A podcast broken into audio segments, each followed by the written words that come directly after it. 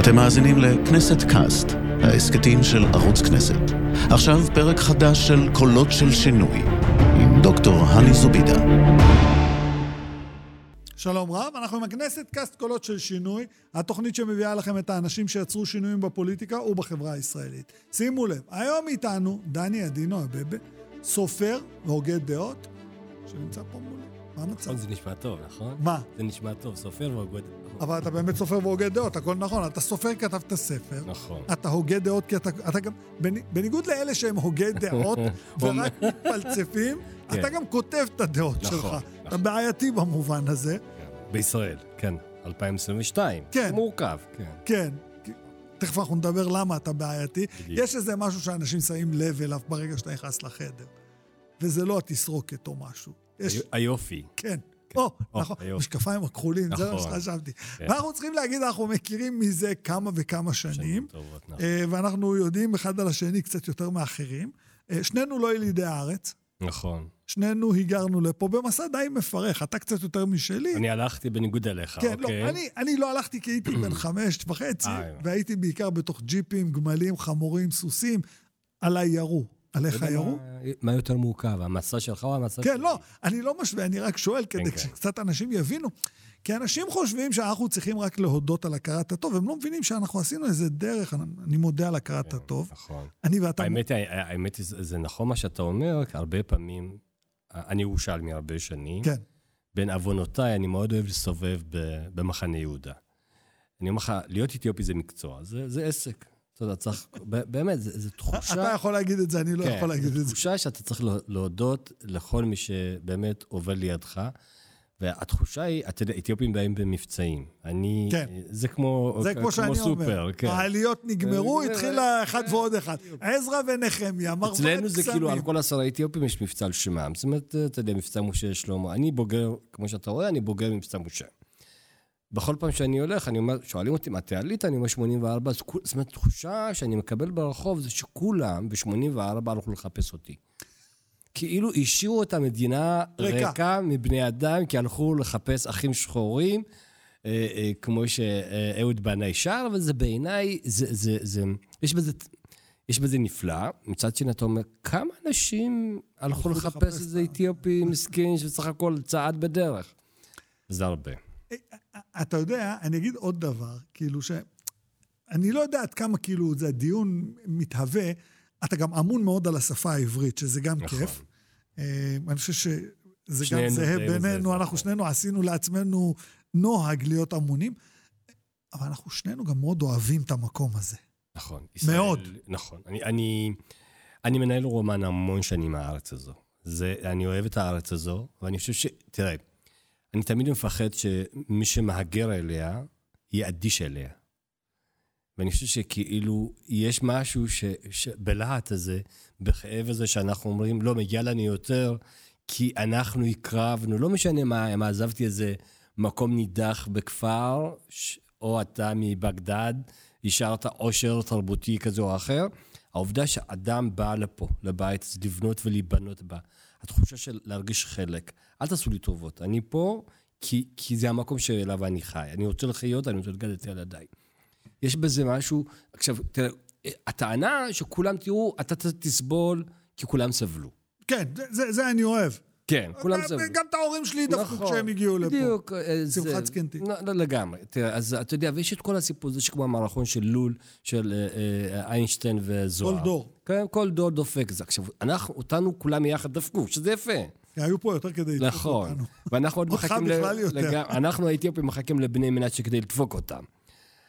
עד שהם יבואו, זאת אומרת, כאילו כדי להרגיש בן בית בארץ הזו, אתה צריך לדפוק מישהו. זו תחושה ש... ש... שאני מקבל הרבה פעמים. אני, אני מאוד ציוני. אני, אני, אני, אני צורח, אני צועק ואני כותב הרבה על הארץ הזו כי אני אוהב אותה. רק כשאכפת לך, אתה, אתה, אתה מבקר. הרי הרבה פעמים הביקורת היא, זה לא אישית. כי אתה רוצה לגדל את הילדים שלך במקום טוב יותר. אתה מגדל את הילדים שלך נכון. פה, אתה במקום, חושב על איך כן, לטייב בדיוק, אותו. איך לטייב. יש לך ארבעה. ארבעה, כן.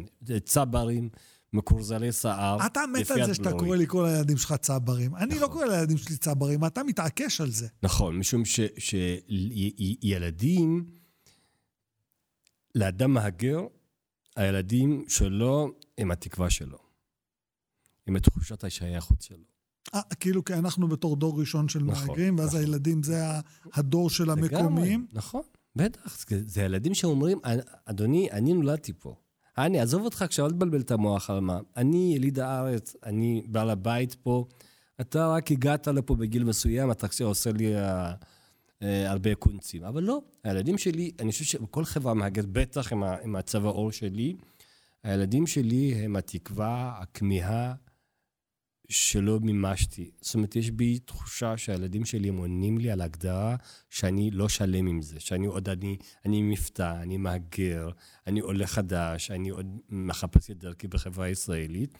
סביר להניח שהילדים שלי, שנטולי מבטא, יפה הבלורית, מקורזלת, חדשים, הם ירגישו בני בית, שזה הבית שלהם. כש, כש, כשפגשתי אותך בפעם הראשונה, אני צריך להגיד שאני, כש- כשחזרתי לארץ ב-2006, זה, זה הכה אותי, זה הכה בי, סליחה, כמה רע התייחסנו למהגרים, האחים והאחיות שלנו מאתיופיה.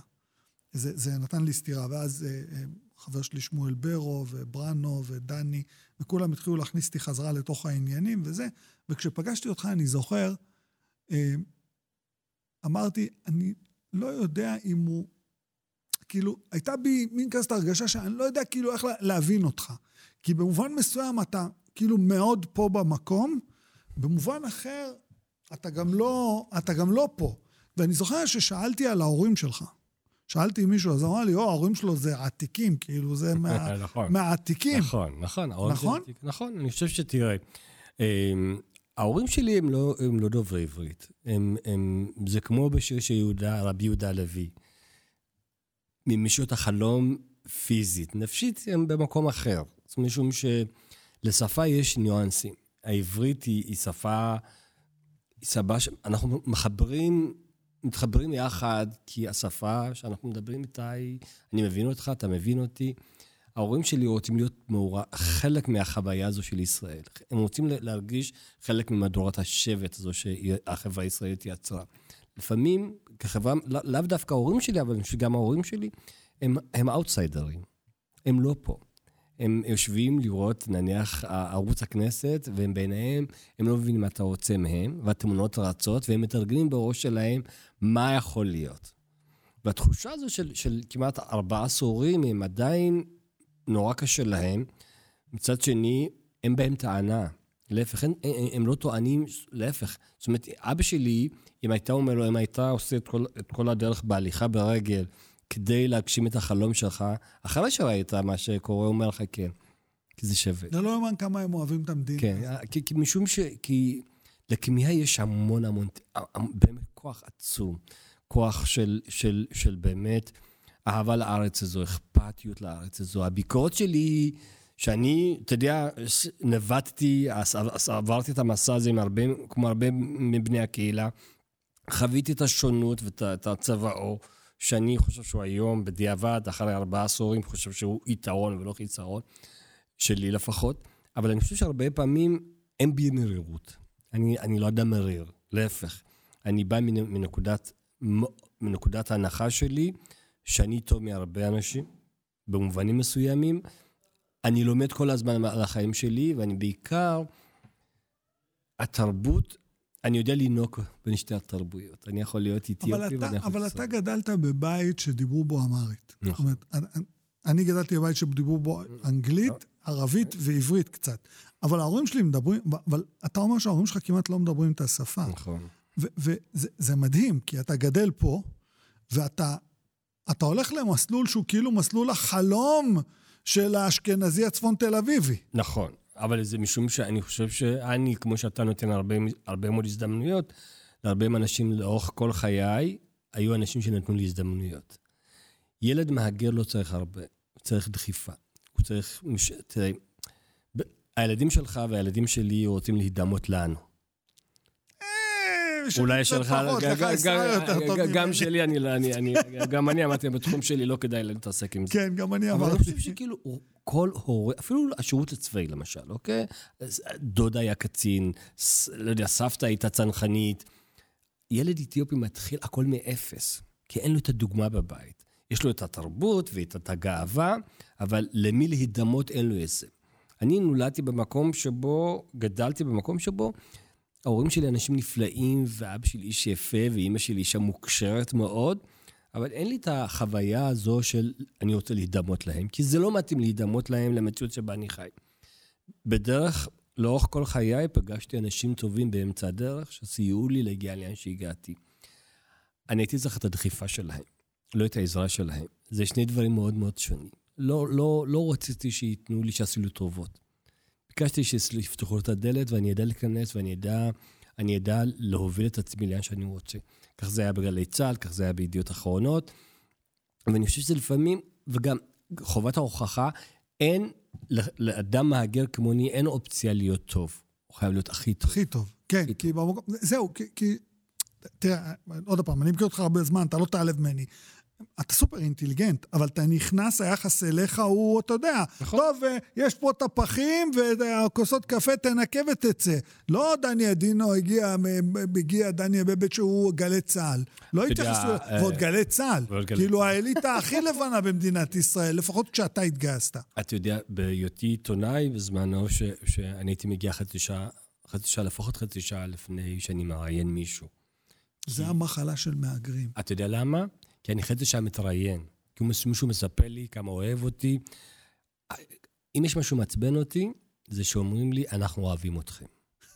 אתם חמודים, אתכם, קולקטיב. כאילו. ואתה מסתובב לדעת כמה אתיופים עומדים לאחורך, אתה לבד. זאת אומרת, איך, איך, איך אני נהייתי ברבים.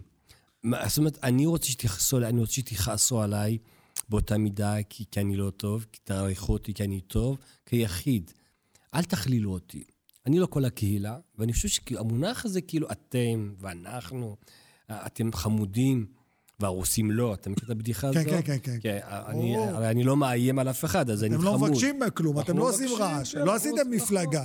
אין נש קונטרול נכון, אה, נכון. באמהרית. בדיוק, אז תפיסת העולם זה שהחברה הישראלית, יש שינוי, אגב, לטובה בקטע הזה, אבל החברה הישראלית רואה בנו כקולקטיב. אין אתיופי יחיד. מצד שני, גם אנחנו תרמנו את חלקנו.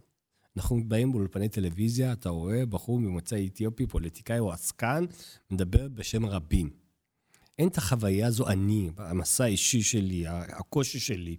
ולכן, כאילו, אני מאוד מאוד, אני מאוד מאוד חושב שזה זה, זה, זה, זה, אחת הבעיות העיקריות. דני, אתה נכנס, אתה נכנס כגבר צעיר להיכל הקודש של התקשורת הישראלית. נכון. אוקיי?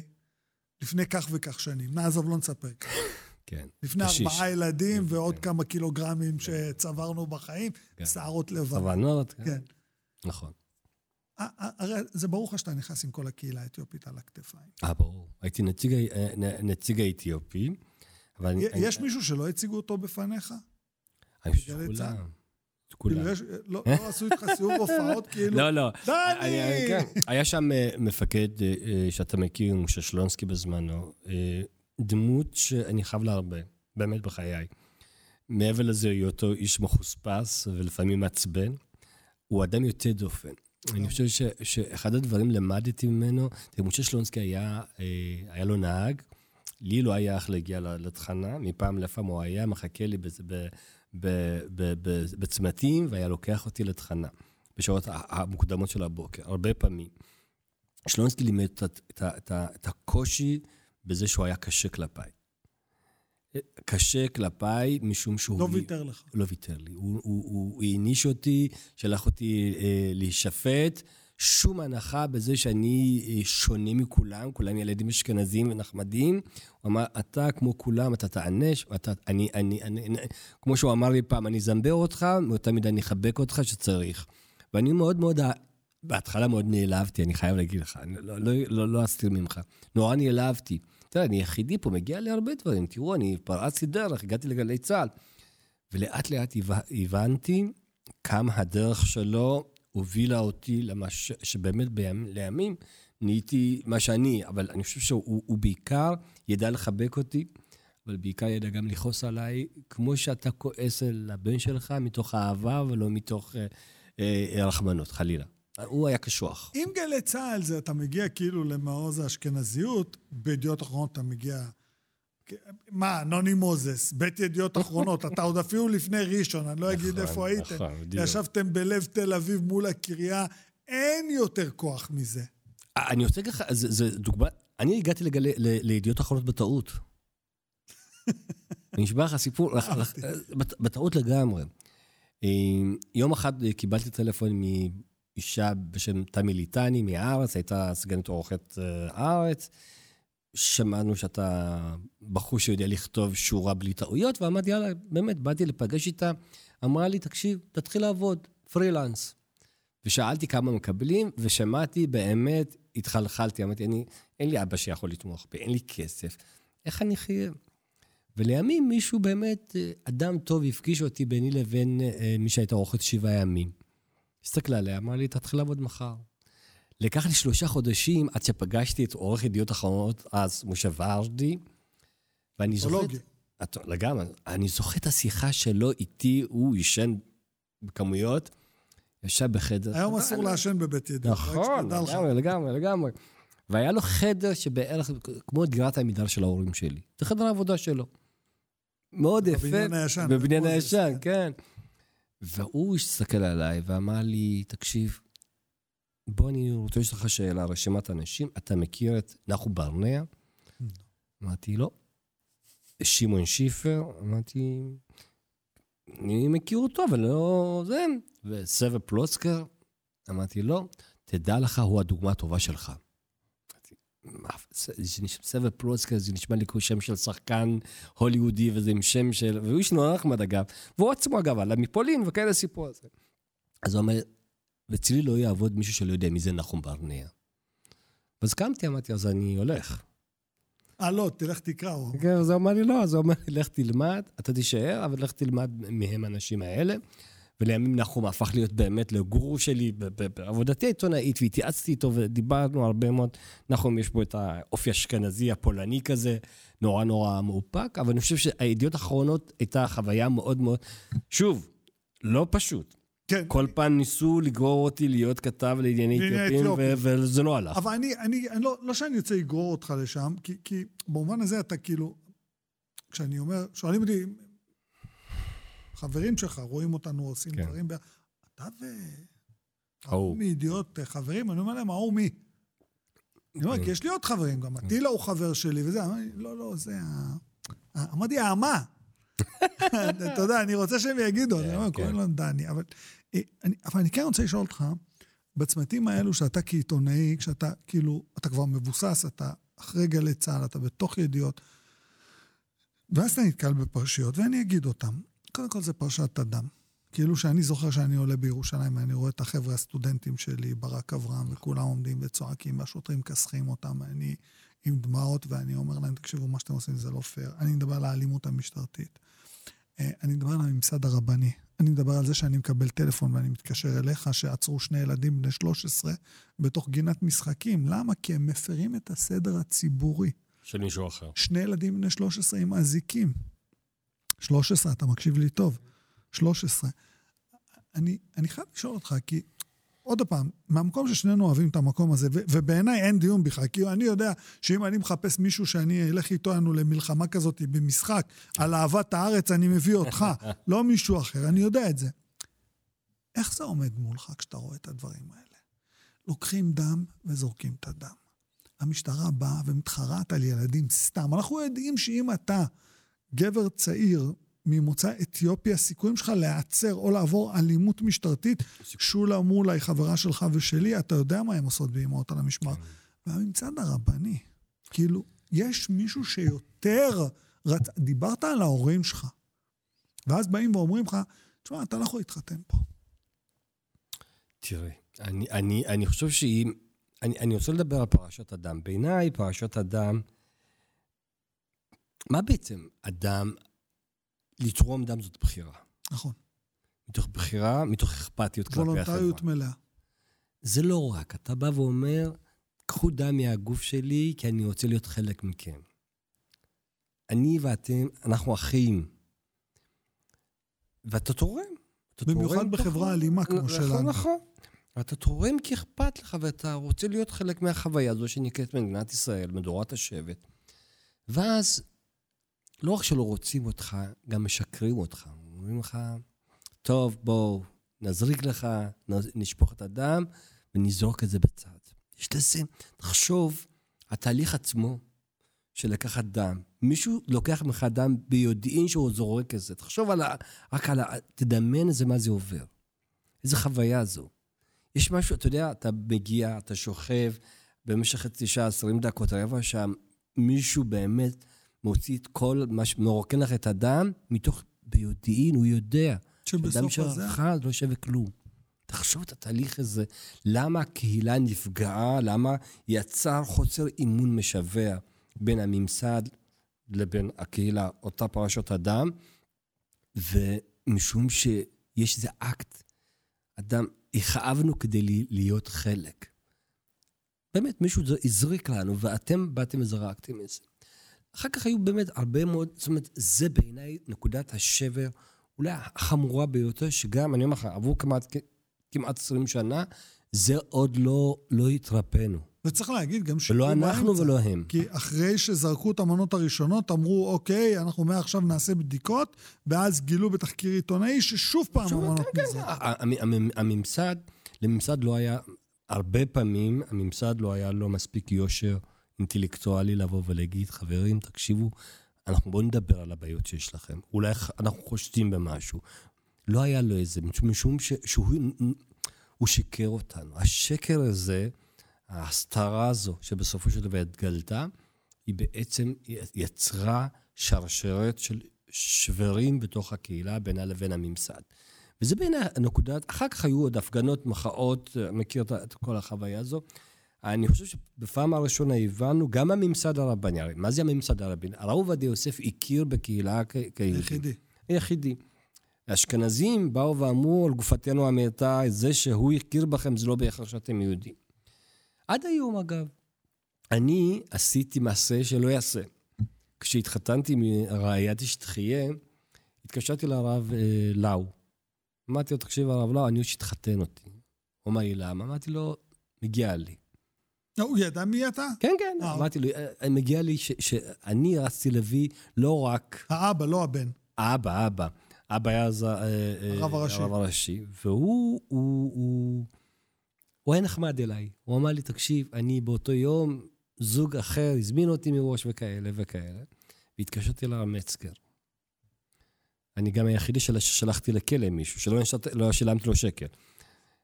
והיה לי חשוב שמישהו מה... אלה שקובעים, אלה שלא מכירים בי, יבוא ויחתן אותי. והוא חיתן אותי, הרב מצגר. עכשיו, אני לא יודע אם זה, אני מספר את זה, עושה לי, אני לא יודע אם זה טוב או רע, כי אנחנו יודעים איך זה נגמר, הסיפור הזה שלו. ו, ו, ו, והייתי הבן הקהילה היחידי שהתחתן, שחותן על ידי הרב הראשי בזמנו, משום שאני נורא חשבתי, אני רוצה לאתגר אתכם. אני רוצה שתגידו לי לא. זה שהייתי בידיעות אחרונות זה בהחלט עזר, ואני מניח שהם, כן, לגמרי. והם ידעו את השלכות הזה, ואני חושב שכאילו... עכשיו, מי אתם שתגידו שאני פחות יהודי מכם? מי אמר את זה? זה שאתם בעל הכוח ועל השררה, אתם קובעים מיהו יהודי, תבדקו. אני מניח שהרב עובדיה יוסף לא היה פחות חשוב, ידען, מרבים מהם. לא, אני חושב שהוא יותר ידען. לגמרי, אני חושב שכאילו, אתה יודע, יש את הבדיחה אה, שבעולם החרדי שמספרים את הסיפור, זה שמשה קיבל את התורה אה, בסיני והעביר את זה לליטאים, אז יש לנו את הבעיות. ובמידה מסוים זה נכון, כאילו אשכנזים פה, רוב אשכנזים הבכירים, הרבנות הליטאית עדיין לא מכירה בנו, גם אם נגיד את זה, נגיד את זה הרבה פעמים. היום אני רואה יוצאי אתיופיה הרבה פעמים, אתם לבושים כן. שחור, אה, פאות. זה מדהים אותי. זה מדהים אותי. כן. פעמיים, ש... אה, כן, פעמיים שחור, שזה נחמד, שזה כן. יפה מאוד. בלק און בלק. בלק און בלק, אבל, אבל תחשוב שהאנשים האלה, חלקם, באים לבית של ההורים שלהם. ולא מקבלים אותם, כן. אתה יודע, אבל אני, אני חייב לשאול אותך, כאילו, בעוד זה, שזו אלימות ממסדית מאוד מאוד וולגרית, אני חשבתי על זה ואני כן רוצה לשאול אותך, במחאה האחרונה שהייתה אחרי שירו בסלומון, אה, אני, את הדעות שלי אתה מכיר, אני, אני זה שטמדתי את המושג הילדים של כולנו, תפסיקו להרוג את הילדים של כולנו, גם אחרי יהודה ביאדגה וכולי וכולי, אבל אתה יודע מה הדהים אותי? כי כשאתה אומר את זה על החרדים האשכנזים, אני בסדר, אוקיי, על הממסד וזה. אבל פה, מה עצבן אותי? כשיצאו להפגנות, גם שולה וגם אמהות על המשמר, וחברות שלנו הצטרפו אליהם, הרבה נשים מזרחיות, הרבה נשים ערביות, היו כאלה שאמרו, אתם עם המחאה הזאת איבדתם אותנו. נכון. עכשיו, אני זוכר שאתה אמרת לי משפט שהדהים אותי. אמרת, איבדנו אתכם? מתי הייתם איתנו? נכון. אתה זוכר את זה כשדיברנו? לגמרי, כן, כן, כן. אבל זה היה משפט, תראה, בפעם הראשונה הפרענו לתל אביבים לשתות את הקפה, קפה הצהריים שלהם. אני חושב שהפגנה גדולה, אני רוצה לך, לי, איך באמת ההפגנה הזאת, אז אחרי החייל הזה, אה, המכות שספג, אני רוצה לדבר איתך על השוטרים. תראה, הפנתרים השחורים בזמנו הפגינו נגד בוואדי סלאם בחיפה בזמנו, על זה שאלימות שוטרים כלפי יוצאי עדות המזרח לכאורה. עכשיו, אני, יש הרי משהו בש, ב, ביחס בין הקהילה לשוטרים, שאגב, יאמר לזכותה של המשטרה, וזה צריך להגיד גם בהגינות. אני חושב שגם אחרי ההפגנות הגדולות וגם מה ששולה וחברותיה עושים, יש היום מה שנקרא הידברות בין הקהילה למשטרה, שזה בעיניי נפלא. והידברות, אני, אין תוצאות, כן, יש, יש דו-שיח מאוד פורה בין הקהילה לשוטרים. יוצא בחור, ילד בן 14-15, יוצא אתיופיה היום, יותר חש בטוח מאשר לפני חמש שנים. חד משמעית. זה בגלל שרובנו, והזכרתי את שולה וחברותיה, ואני חושב שזה כן מחלחל לאט-לאט, כי המודעות. האמירות האלה של המפכ"ל אה, לשעבר אלשיך, שהוא חלקי החילוף שלנו, אגב, פה, פה, פה. זאת אומרת, תחשוב כאילו, שהוא תימני במקור, חצי, חצי מרוקאי, אבל נסו לחשוב איך הממסד מצליח לגרום לנו, הממסד ההוא שמרחף מעלינו. תחשוב שרוב השוטרים היום, הקצינים, הם בני עדות המזרח. כן, לגמרי. אלה שאנשים שהתלוננו שההורים שלהם, נכון, אה, שההורים שלהם נדפקו על ידי האשכנזים בגלל שהם מזרחים. והיום חלקם, שוב, אני, יש היום למידה מעמיקה של המשטרה, ואני נפגש הרבה פעמים עם הרבה מאוד קצינים ואני שומע מהם, אבל אני חושב שזה זה, זה מחזור שהממסד מצליח להנחיל לנו, שזה יפה מצידו, שזה זה, זה הצלחה מסחררת. מצד שני, תראה, ההפגנה הזו עשתה לי משהו טוב בחיים שלי. אה, כתבתי מאמר בידיעות, שהיה לי, בפעם הראשונה שכולם, הרגשתי לפתע ש, שכולם, שמעתי, איבדתם אותנו. איבדתם אותנו, כן. איבד, כאילו... דיברנו על זה. חבר'ה, אני, אני לא יודע אם אתם יודעים, אני, אני לא שבוי מלחמה, אני פה 40 שנה איתכם. איפה הייתם, איזה חברות בינינו הייתה שאיבדנו אתכם? לא היינו בשום, לא רומן ולא כלום, אתם הייתם שם, אנחנו היינו שם. אין שום קשר בינינו. איך איבדתם אותנו? כי לא, לא הקשבתם לנו. במשך צעקנו ב, ב, ב, ב, מתוך תחושה, מתוך כבוד אליכם, מתוך כבוד לתרבות, כי חשבנו שזה... וזה לא עבד, ופתאום יצרנו, ופתאום יצא מאיתנו האתיופיזם לכאורה, אוקיי? פתאום נהיינו ילדים רעים. וואלה, שגם, אתה יודע, שמרביצים כמה וכמה פעמים, זה, לפעמים זה כואב, זה כאב לנו במשך השנים, שתקנו, עכשיו יצאנו להפגנה. כשחזרתי לידיעות, אחרי הסיקור, אה, פגשתי את נוני מוזס בחוץ, ושאל אותי, תגיד, מה, מה יהיה? אמרתי לו, רע. אני לא אשכח את זה, אמרתי לו, יהיה רע מאוד. תראה מה יהיה עכשיו. ו... ו... והוא נכנס לחדר. הלכתי לסקר את זה, וחזרתי והסתכלתי על הילדים הפרטיים שלי. ואני, אני, אתה קצת מכיר אותי, אני בן אדם נורא לא רגשן, אני לא, לא בוכה. פעם ראשונה בכיתי.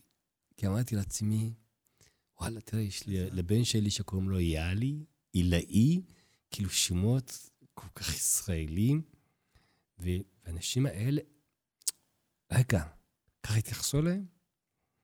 ככה ברחוב הם יקראו שוטר, יעצור אותם בשכונה שהם גרים, כי הם לא דומים לסביבה? מה אני, מה אני משאיר להם? זה, על זה, אתה יודע, הרבה מאוד אנשים קברנו בדרך, צעדנו כ-800 קילומטר ברגל, יחפים, ואת חלק, חלק מהאנשים קבענו בדרך, השארנו אותם כ, כי, כי לא היה לנו זמן להתאבל עליהם. על זה, על זה שאנחנו באמת רוצים להיות חלק, לתרום ולהתערם, על זה מגיע לנו. והלכתי הביתה וסיפרתי את זה לאשתי, ולמחרת היה לי שיחת טלפון מירון, הוא אמר לי, תקשיב, קראתי את המאמר שלך, אני רוצה שתיקח את הילדים שלך למסע שורשים. קח אותם, שירגישו גאווה. מאיפה באתם? מאיפה באתם? באמת, מפנוחו. לקחתי אותם. וזה הייתה, היה מסע שכתבנו אותו גם. עכשיו, אני אשקר, אני אגיד לך זה הספר, שלא הספקנו להגיע אליו, כי אנחנו צריכים לסיים אותו. המסע, המסע, המסע של הילדים האלה שלי, זה לא היה בעיקר בשבילם, זה היה בשבילי. וכאילו, וזו הייתה חוויה, זו, היה, זו הייתה חוויה חד פעמית, ואני ממליץ לכל אחד. אתה לא יכול לחזור מסיבותיך, אבל... אני מאוד רוצה. כן, יום אחד. ואני רוצה לשאול אותך שאלה אחרונה, במילה תענה לי. יהיה טוב? אה, כבר טוב. ידעתי שזה מה שתגיד. דני עדינו הבא. תודה רבה שהצטרפת אליי. אני רוצה להודות לכם שאתם הייתם איתנו בעוד כנסת קאסט קולות של שינוי. הספר של דני, המסע לא תם, כדאי לקרוא. נתראה בפרק הבא. תודה.